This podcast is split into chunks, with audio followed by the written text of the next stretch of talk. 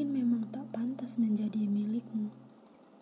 Lebih tepatnya, orang yang memilikimu, karena jika memang aku milikmu, itu ragu kubuktikan.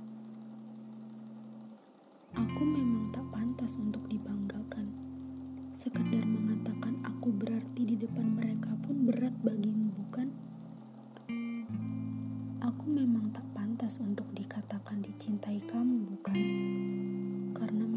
aku ditakdirkan untuk mencintaimu, walau tanpa kamu. Mereka juga tahunya begitu, bukan? Aku memang tak pantas menjadi milikmu, bukan? Aku hanya sebatas manusia yang selalu memikirkan perasaannya, memikirkan ingin diakui keberadaannya. Jika bisa, mungkin aku akan